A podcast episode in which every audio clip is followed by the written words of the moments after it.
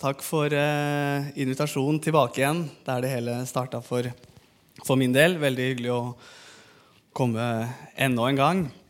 Dere går jo kronologisk gjennom eh, første korinterbrev bl.a. den våren her, og jeg var jo med med et bidrag tidligere i våres med et tidligere kapittel.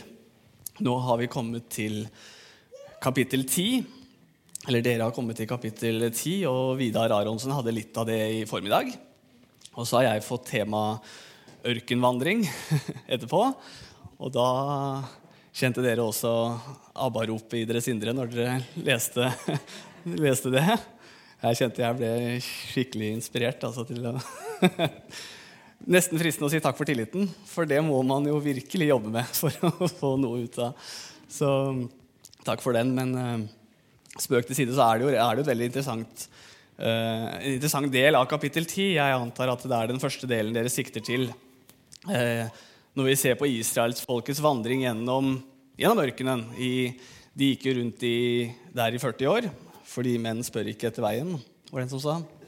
Så da, så da går det sånn. Uh, så det burde ha spurt noen, så hadde de klart det på en måneds tid. egentlig, dem, altså sånn rent geografisk, Men det, det var ikke snakk om. Og første korinterbrev det, det, skriver jo Paulus til eh, menigheten i Korint. Forholdsvis ny menighet. Eh, de har vært frelst så lenge som fem år, noen av de, og de fleste mindre enn det. Og Paulus han har jo vært med i den menigheten helt fra starten av. Og, og, og gjennom det som skrives i Korinterbrevet, så, så tyder det på at det ble jo sendt flere brever mellom Paulus og denne menigheten før det vi kaller første korinterbrev i vår bibel, men det er ikke alt som har blitt eh, etterlatt til oss. Det er ikke alt vi, vi trengte. Gud han lovet at han skulle bevare sitt ord gjennom historien og, og, og, gi oss det vi trengte. Og Vi skulle få to av de korinterbrevene, og så skulle vi ikke ha behov for, for resten. Men vi ser jo at eh, delvis gjennom første korinterbrev så bruker jo Paulus en del tid på å svare på spørsmål som menigheten har om forskjellige ting. Eh, menigheten har sendt ut en utsender, og så har han Eh, eh, lagt igjen et brev til Paulus med et spørsmål som de har, og så, og så sender han dette brevet tilbake. og så er Deler av det er svar på spørsmål, og så inneholder det jo selvsagt mer enn bare det.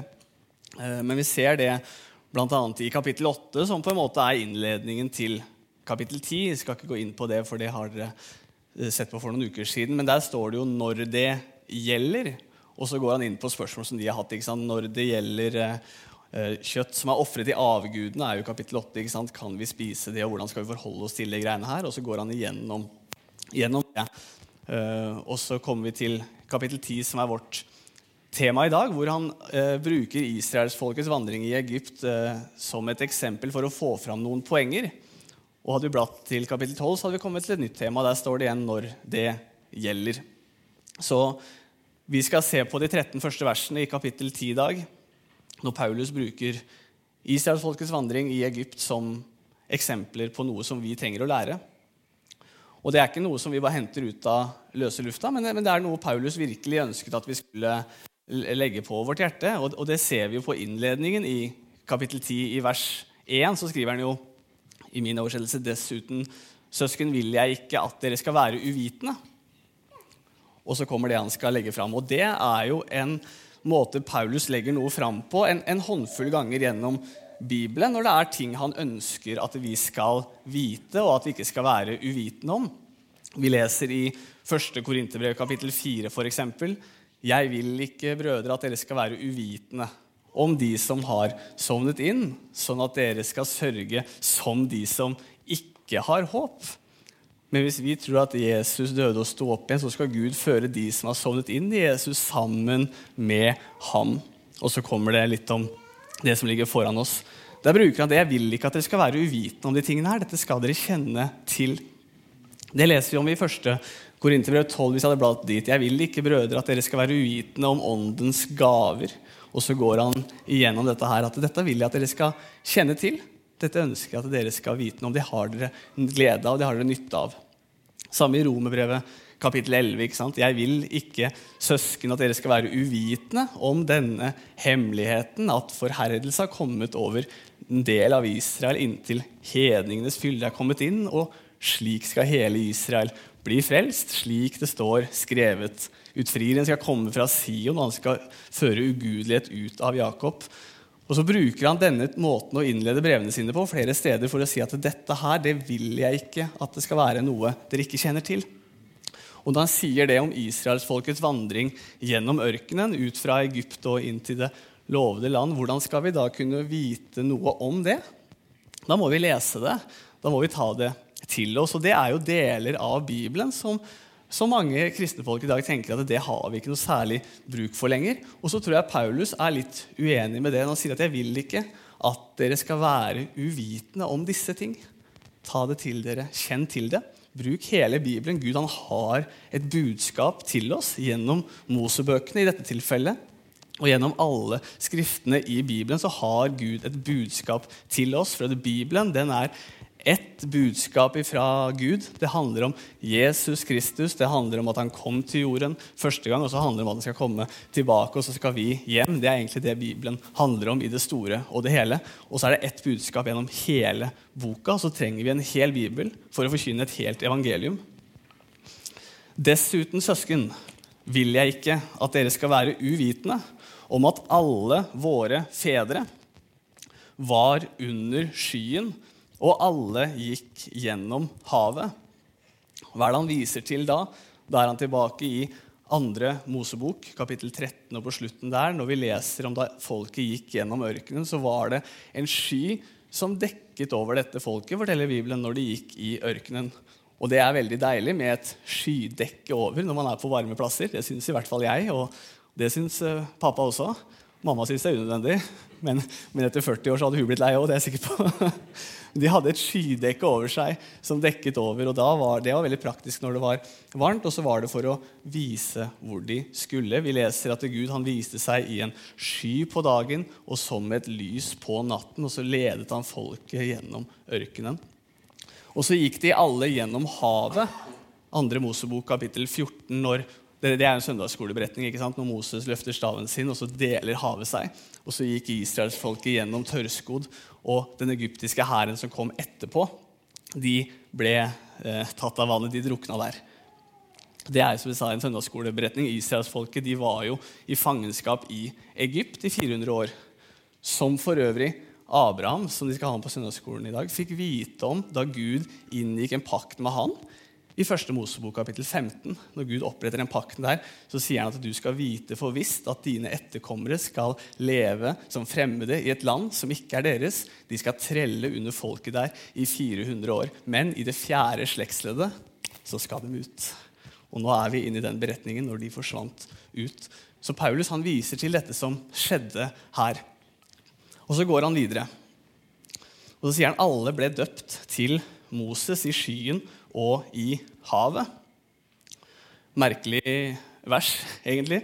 Kanskje det ligger mye mer i det enn jeg har sett. Kanskje, jeg vet ikke hvor mye vi skal legge i det. Men jeg tror det hadde noe med det fellesskapet som de var å gjøre. Altså, De ble døpt til Moses og i, i havet og i skyen. Altså, Moses er jo et veldig sterkt bilde på Jesus som skulle komme senere. Moses ble brukt som et et, et, et mektig bilde, bilde, der. Jeg tror dette her har noe med den, det fellesskap som de var under Moses ute i ørkenen her. Vi leser jo i bl.a. 5. Mosebok kapittel 18 vers 15 når Moses selv sier at en profet som meg skal Herren din Gud oppreise blant, i, i, i din midte blant dine brødre. Han skal dere høre på. Og Så ser vi mange bilder på Moses og Jesus som ligner veldig.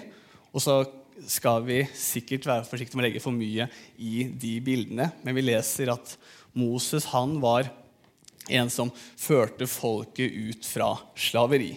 Ut fra Egypten der. Jesus han har ført også folket ut av slaveri. De var under lovens pakt, som vi leser om i 2. Mosebok kapittel 19, når de fikk denne Sinai-fjellet. Og så levde de under dette her, og så har Jesus kommet med den nye pakt i sitt blod. og Han har oppfylt den gamle pakten. Han har ikke opphevet den, men han har oppfylt den. Og så har han oppretta noe nytt, og så har han ført oss ut av slaveri og ut i frihet som eh, barn av ham. ikke sant? Israelsfolket ville ta livet av Moses flere ganger fordi at de fikk ikke vann i ørkenen og de fikk ikke mat i ørkenen. Vi skal se på noen eksempler der. Og så ville de ta livet av ham. Moses var helt fortvila. Han sa de, de truer med å steine meg. Hva i all verden skal jeg gjøre? Så kommer Jesus på banen, og så er det noen som har lyst til å ta livet av han der også, fordi han kommer som den han er. Og så var dette her, dette her var jo ikke sånn det skulle være. Det var jo blasfemi ikke sant? når han kom og sa at han var Guds sønn. Og så kan vi se flere sammenligninger mellom disse to. Og det, det, tror jeg det er på ordentlig. Og så skal vi kanskje ikke legge mer i det enn det det, det er. Vers 3. Alle spiste den samme åndelige mat. Og det var jo manna ikke sant, som Gud sendte fra himmelen til dette folket ute i ørkenen. Det kom manna ned fra himmelen. Gud sørget mirakuløst for at de fikk mat når de trengte det. Og de skulle samle for én dag, ikke for mere. Så det var et, tillitsforhold der. Gud skulle forsørge for dem. Han sendte mat som de kunne spise og klare seg. Men de skulle ikke ta mer enn de trengte for den dagen, og så skulle det komme mer neste dag. Det klarte de selvfølgelig ikke å holde seg helt til. Så den maten de tok for mye av, den leser vi om ble råtten, og den stinket, og den var helt ubrukelig. Den eneste dagen de skulle sanke inn dobbelt, det var dagen før sabbaten, fordi de skulle jo ikke jobbe på sabbaten. Og Dette her, det løfter jo Jesus frem ikke sant, når han kommer på, til denne jord gjennom sitt virke. Du kjenner sikkert til uttrykket 'Jeg er livets brød', sier Jesus i Johannes evangelium kapittel 6. Og Så går han gjennom dette her, og så bruker han den beretningen fra ørkenvandringen til israelsfolket for å få fram poenget sitt i Johannes kapittel 6, når han står frem med sitt budskap her. Vers 35. Jesus sa til dem, 'Jeg er livets brød. Den som kommer til meg, skal aldri sulte, og den som tror på meg, skal aldri noensinne tørste.' Og så kan vi gå nedover. Vi kan ikke ta alt dette her, men i vers 48 i Johannes 6 'Jeg er livets brød', sier Jesus. Og så sier han, 'Deres fedre åt manna i ørkenen'. Og Så viser han til det vi er inne på her nå. Og de døde. Dette er brødet som kommer ned fra himmelen for at en skal ete av det og ikke dø. Det kommer noe bedre. Vi ser noe i ørkenen som et forbilde på det som skal komme, men så kom det noe bedre. Det kommer et brød ned fra himmelen som vi skal ete, som gjør at vi ikke skal sulte igjen, sånn at vi ikke skal dø til slutt, men vi har et evig liv i Han som sender det ned fra himmelen. 'Jeg er det levende brød', vers 51, som kommer ned fra himmelen. Hvis noen eter av dette brødet, skal han leve evig. Og brødet som jeg skal gi, er mitt legeme, som jeg vil gi for verdens liv. Jesus Kristus kom til denne verden som Guds sonofferlam. Han ga sitt legeme på Golgata kors for deg og meg, for at vi skal få leve i ham og sette det på vår regning. Så kom Jesus som en løsning på det som ikke er alt i Edens hage da mennesket falt i synd. Og så fant Gud en løsning gjennom dette her. Så møtte han Abraham og sa det i deg og i din slekt skal all verdens folk bli velsignet. Og så bruker han dette folket gjennom slaveri i Egypt, gjennom ørkenvandringen og inn i det lovde land, og helt fram til Jesus står på banen. Og så kommer livets brød som en ende på denne visa her. Og så er det Guds plan gjennom hele historien for å frelse deg og meg. Han har hatt noe fra starten av. Helt fra det gikk galt, så har Gud hatt en plan gjennom historien for å nå tilbake til en fortapt menneskeslekt uten håp og uten Gud i denne verden. Det er det bibelboka vår handler om. Og det handler det om også i Det gamle testamentet, helt i starten her. Og det handler det om i Det nye testamentet, her hvor vi står i dag, og som vi bruker mest tid på vers 58. Dette er brødet som kommer ned fra himmelen, og som mannaen deres fedre spiste og siden døde. Den som eter dette brødet, skal Altså ikke som mannen som deres fedre spiste og siden døde. Den som eter dette brødet, skal leve evig. Så han bruker den hendelsen som vi er innom nå, helt konkret til å få fram sitt poeng og bruke det bildet om at han er livets brød for oss. Vi kan forstå den metaforen. Vi spiser brød til mat, vi også, og så blir vi sultne når det er lunsj. ikke sant? Men vi, så vi skjønner bildet delvis. Men jeg tror han brukte dette her blant folk som skjønte det på en enda dypere måte. I neste vers så står det han talte alt dette her i synagogen i Kapernaum, rett rundt Genesaretsjøen, der han virket veldig mye. Han talte til mennesker som kjente den historien. Det var en del av dem sin kultur, og dem tok det som historie blant sitt folk i, i gamle, gamle tider. Vers 4 og alle drakk den samme åndelige drikk, for de drakk av den åndelige klippen som fulgte dem, og den klippen var Kristus. Det er bildet gjennom ørkenen når de trengte vann. Og det leser vi om ved et par anledninger, at de trengte vann. Og I 2. Mosebok kapittel 17 så er de ved en klippe og trengte å drikke. Og så får Moses oppgaven i å skaffe vann, for de var sure på Moses, de var ordentlig vonde å ha med å gjøre. Men i 2. Mosebok kapittel 17 så det er sikkert en historie som mange kjenner til, så tar Moses staven sin, og så slår han på klippen, og så kommer det vann ut av klippen til folket og til budskapet, sånn at de får drikke det de trenger, alle sammen. Og så går tiden, ikke sant? og så trenger de drikke en gang til. Og så kunne vi gått til 4. Mosebok kapittel 20, og da får Moses beskjed om at da skal han tale til klippen. Og det syns Moses var litt lite. Så han, vi leser der, han slår den to ganger. Og så kommer det vann ut. Så det funka. Folket fikk drikke. Men dette er handlingen leser vi i Bibelen, som gjorde at Moses ikke fikk lov til å lede folket inn i det lovede land. Hvorfor ikke det? Det virka veldig uskyldig å slå staven på en klippe når det funka sist for å få vann, men det er selvfølgelig symbolikken her som Gud vil ha frem. Jesus Kristus han kom til verden, og han tok et oppgjør med synd og elendighet én gang for alle. Jesus han ble slått én gang for verdens synd, og da han gjorde det, så var det fullbrakt. Det trengtes å gjøres én eneste gang min lillebror, og jeg tror det var Lars-Erik, han lurte jo veldig fælt på hvordan det så ut på Golgata, hvor Jesus døde hver påske da han var liten. Det måtte være fryktelig blodig hvor Jesus var og ble drept hver gang. liksom. Og det er jo veldig, veldig søtt når det kommer fra barnemunn, men det er, men det er fryktelig gærent teologisk. ikke sant? Han ble slått én gang for våre synder. Det var fullbrakt verk, og det holdt. Og så revnet forhenget da Jesus døde, og så ble det åpent inn i det aller helligste for alle sammen. Og nå trenger ikke den klippen å slås lenger for å få strømmer av levende vann. Nå kan vi gå rett inn og tale til klippen, og så kommer det levende vann til vårt liv. Vi har fri adgang inn, alle sammen. Vi trenger ikke en prest imellom som tar jobben for oss lenger. Det er én mellommann mellom Gud og mennesker, og det er Jesus Kristus. Og han tok det én gang for alle. Og så viser Gud det gjennom denne ørkenvandringen, hvordan han skal arbeide gjennom historien. Det skjedde som forbilder for oss, skal vi snart komme til. Han har noe i det. Og så var det ikke farlig sånn rent eh, praktisk å slå på den klippen. Det hadde jo ikke noe å si, men det var symbolikken i det. Hvis vi går tilbake til Edens hage, så var det jo ikke noe farlig å spise av en bestemt frukt på et bestemt tre. Man ble jo ikke sjuke, det var ikke giftig. Det gjorde jo ingenting. Men det var at Gud ville ha lydighet. ikke sant? Og han skulle vise noe gjennom historien. Og så bruker han disse hendelsene sånn at vi skal få lære av de i etterkant. Og det ser vi i vers 5.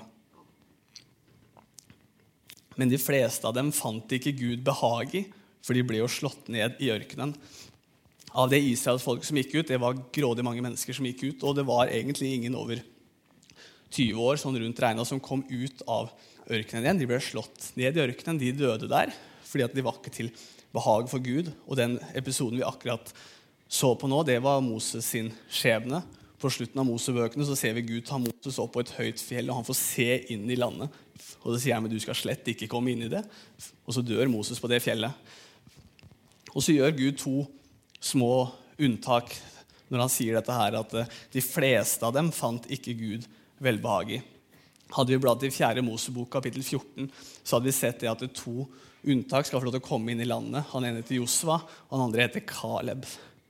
Etter at Moses er død, så tar Josva over som leder for israelsfolket i Josvas bok, og så får de sin parademaskin i landet. Moses får ikke være med på det, og det kan virke urettferdig med tanke på alt det han fikk være med på, den han var, og det han opplevde. Men Guds plan den vil alltid handle om mer enn en enkeltperson. Det vil alltid handle om mer enn O store Moses. Eller en svær predikant eller en evangelist som har fått til veldig mye. Guds plan er noe større enn det. Han gjennomfører sin plan, og så får vi lov til å være brikker i det puslespillet. Men det vil alltid handle om mer enn deg. Det vil alltid handle om mer enn meg. Det er Gud som har sin plan gjennom historien. Og så kommer hvert seks. da. Alt det som vi har lest nå, kan vi oppsummere i én setning her nå, og den kommer i vers seks. Disse hendelsene ble forbilder for oss, skriver Paulus til menigheten i Korint for 2000 år siden. Og så kan vi ta det til oss i dag også. Det har skjedd noe i gamle tider i Mosebøkene til forbilder for oss. Det er noe vi kan lære av. Slik, de, slik at vi ikke har lyst til det onde, slik de hadde lyst til det onde. Og så lister Paulus opp fire konkrete eksempler, og så skal vi ikke gå veldig dypt inn i de nå. Da går tida fra oss. Men han tar med fire eksempler, og noen av de tror jeg er en grunn til at han nevner for menigheten i Korint, eh, med de forholdene som var der. Og så kan vi ta til oss det vi eh, trenger i vårt liv. Vers 7. Og bli ikke avgudsdyrkere, slik noen av dem ble, slik det er skrevet. Og det er også så godt slik det står skrevet. Paulus han begrunner det han står for, ut ifra Det gamle testamentet, ut ifra Skriftene, det skrevne Guds ord. De som gikk her da Paulus var i Korint, så hadde de jo ikke Det nye testamentet, for de levde det. Og så skrev de det ned, enten de visste det eller, eller ikke. Men han sier slik det står skrevet. Og folket satte seg ned for å spise og drikke og sto opp for å leke. Og så henviser han her til 2. Mosebok kapittel 32, som helt sikkert er en søndagsskoleberetning for mange. Det er også denne gullkalven i Det gamle testamentet. Når Moses var oppe på fjellet for å få loven fra Gud, og så ble han borte lenge. Og så sier israelsfolket vi ser ikke Moses lenger. Hva skal vi gjøre nå? Og så samler de gullet de har i leiren, og så bygger de en gullkalv. Og så tilber de den. Jeg tror ikke det var helt tilfeldig at det var akkurat det de bygde. De hadde vært i Egypt i 400 år, sannsynligvis noe de hadde plukka opp derifra. Og så, og så tilber de denne kalven etter at Gud har ført dem ut fra landet. Det står det, at de, det, det står til at dette er deres Gud, Israel, som har ført deg ut av landet Egypt. Og så tilba de og dansa rundt denne gullkalven. Og det er kanskje ikke en, en, en, smell som du og jeg vil gå i neste tirsdag. Hvis livet butter, og hvis det liksom er nå, nå er det tungt, liksom da lager jeg meg en gullkalv, og så danser jeg litt rundt den, og så går dette her bra til slutt. Det er vanskelig å kanskje sette seg inn i akkurat den der. Men vi har nok også våre moderne, moderne avgudsdyrkelse i større eller mindre grad, som kan bli veldig mye for oss. Vi lever i denne verden. Mange har et eh, verdslig yrke, for å kalle det det. Vi har interesser, vi har familie og andre ting som tar mye tid, og ikke noe av det er gærent i seg selv. Og så tror jeg vi skal være obs på at det må ikke bli så altoppslukende at gudslivet forsvinner. At det, kristenlivet blir borte. Men at vi er flinke på å ha fokus på det. Og så har vi ting i livet vårt utenom det. Og selvfølgelig skal vi ha det. Og det er helt håpløst å ikke ha det. Men vi må passe på hva som er Gud, og hva som er hellig, og hva vi tror på, og hva vi lever for, og hva vi har ved siden av. At ikke de bytter plass. Det tror jeg vi kan være obs på alle sammen. Og så er ikke det ment som en pekefinger i dag, men en oppmuntring hvis noen kjenner på at det kanskje jeg har noe i livet som jeg kunne endra litt på på den biten der. Vers 8. La oss heller ikke leve i hor slik noen av dem gjorde. Og Det er heller ikke et vers som jeg skal gå veldig mye inn på. Og det er ikke fordi at jeg eh, ikke, fordi at jeg ikke vil ha noe med temaet å gjøre, men det er jo mye større enn fem minutter her. Så det får vi ta i en egen sesjon. Men, men det Paulus henviser til, da, det var jo for dette israelsfolket ute i, ute i, i ørkenen. Og 4. Mosebok kapittel 25 så leser vi det at eh, israelsfolket de samla seg med døtrene til moabittene, og det skulle de egentlig ikke gjøre. Og så endte det med ofringer til deres avguder og avgudsdyrkelse og den type ting. Så det fikk mye, mye med seg. Kanskje ikke helt tilfeldig at det akkurat er til Korinterbrevet han skriver det heller, for der var det veldig mye som ikke stemte, også i menigheten. Paulus han skriver jo i 1. Korinterbrev kapittel 5, som dere sikkert har vært eh, innom tidligere i så at jeg leser om jeg hører også rykter han, om at det er hor blant dere, og ikke engang slik vi finner blant hedningene, men en mann lever sammen med sin kones mor og, og, og litt sånn forskjellig. Så det, i, i, Korint var det veldig mye rart, og kanskje han løfta det fram som et eksempel for de, for et nytt liv som de skulle leve etter å ha blitt, blitt frelst. Vi tar vers 9 og 10 i samme slengen. Heller ikke må vi friste Kristus slik noen av dem gjorde og ble drept av slanger. Dere må heller ikke klage slik noen av dem klaget og ble drept av ødeleggeren. Israelsfolket de klaga mye. De hadde alltid noe å utsette på det som var ute i ørkenen. De ble liksom aldri fornøyd, og de frista Kristus, står det, eller de prøvde han, eller de skulle la Gud bevise at han var den han var, gang etter gang etter gang. Og det tror jeg Gud ble litt lei av til slutt. Andre Mosebok, kapittel 17, så la hele menigheten av Israels barn ut på reisen fra Sinaiørkenen etter Herrens ord, og de slo leir i Refidim. Men der var det ikke vann for folket å drikke. Derfor anklaget folket Moses og sa, 'Gi oss vann, så vi kan drikke.' Da sa Moses til dem, 'Hvorfor anklager dere meg? Hvorfor frister dere Herren?' Folket tørstet etter vann der, så folket klaget til Moses og sa, 'Hvorfor har du ført oss opp fra Egypt?' for å la oss, oss, barna og budskapen vår, dø av tørst. Da ropte Moses til Herren og sa, 'Hva skal jeg gjøre med dette folket?' De klaga til Gud for at de var tørste, og tenkte at nå er det ute med oss. Etter at Gud hadde ført dem ut fra 400 års slaveri i Egypt.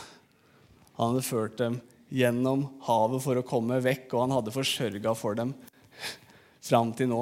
Og så begynte de å bli tørste. Og da tenkte de at dette her, det funker ikke likevel. Hvorfor lot du oss dra fra Egypt? Der var vi i hvert fall mette. Der hadde vi noe å drikke og spise. Kanskje noe vi kan ta til oss. Det er slitsomt med folk som klager hele tiden. Er det ikke det? Sier ikke at folk her gjør det, men det er noe slitsomt med det. Men folk som frister Herren. Kanskje vi ikke skal gjøre det.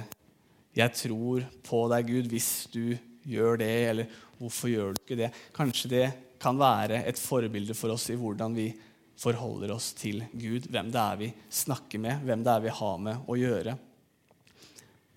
Vi tror på en Gud som har skapt himmelen og jorden. Tenk på det. Det er mektig. Da kan han skape deg og meg også.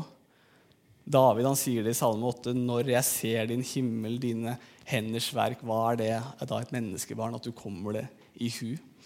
Tenk noen ganger på hvem vi har med å gjøre, og hvem vi er i forhold til han. Vi har en Gud som har omsorg for oss.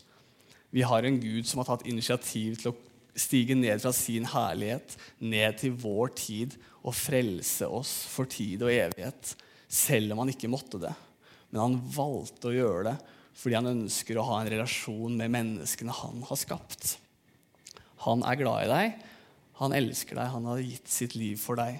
Selv om livet kanskje ikke går helt på skinner hver eneste dag, det gjør det nok ikke for noen av oss, så går det an å takke Gud for noe likevel. Du har alltid noe du kan takke for. Du har alltid noe du kan være takknemlig for. Om ikke annet, da.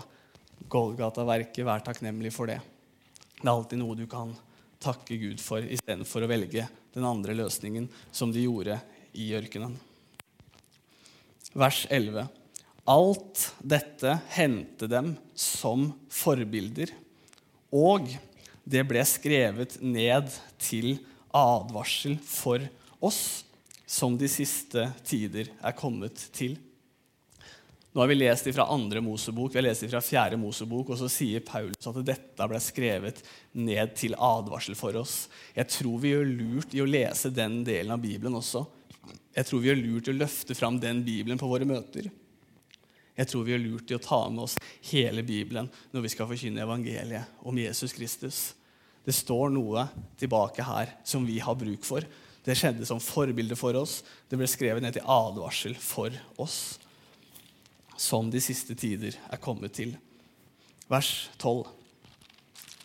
Derfor må den som tror at han står, passe seg så han ikke faller.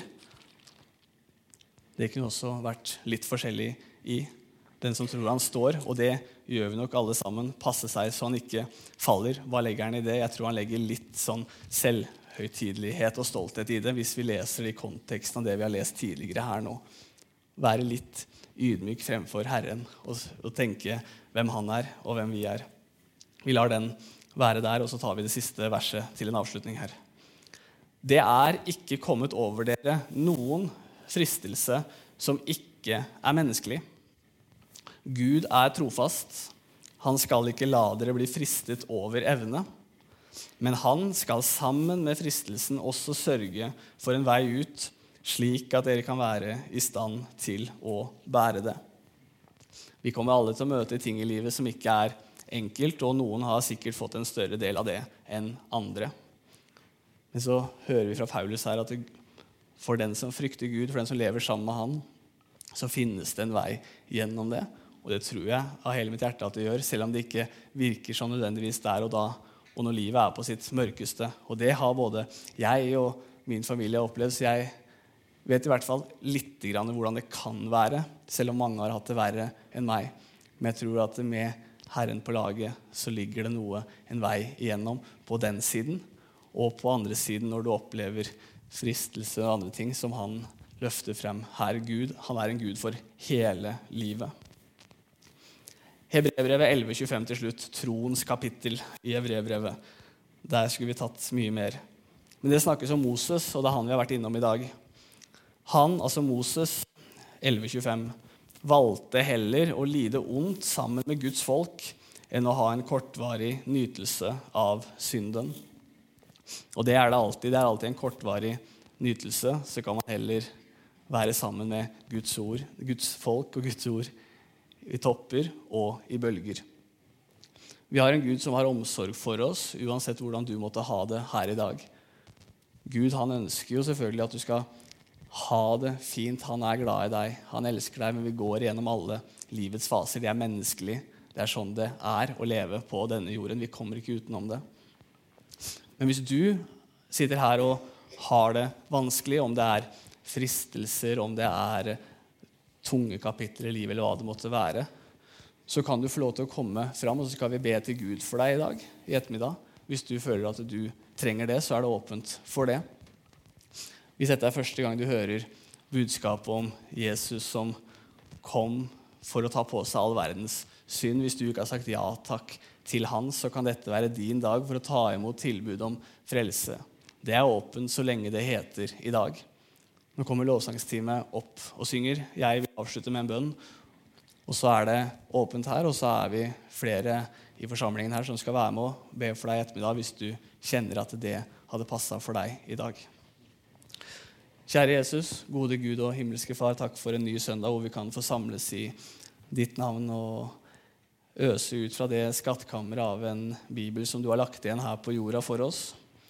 For det budskapet du hadde for oss i dag. La dette være noe som vi kan grunne på alle sammen i uka som ligger foran, og kanskje vekke en lyst til bibellesning der vi ikke har lest så mye før. Kanskje vi har fått øynene opp for noe annet som vi kan ta med oss i uka som ligger foran. Jeg ber om at det som er fra deg i dag, det skal slå rot i hjertene. Og hvis det har kommet noe som ikke var fra deg, så har du også mektig til å kaste det i glemselens hav, Jesus. Takk for dette møtet. Vi legger resten i dine hender, og så er du med hver enkelt i uka som ligger foran. Amen.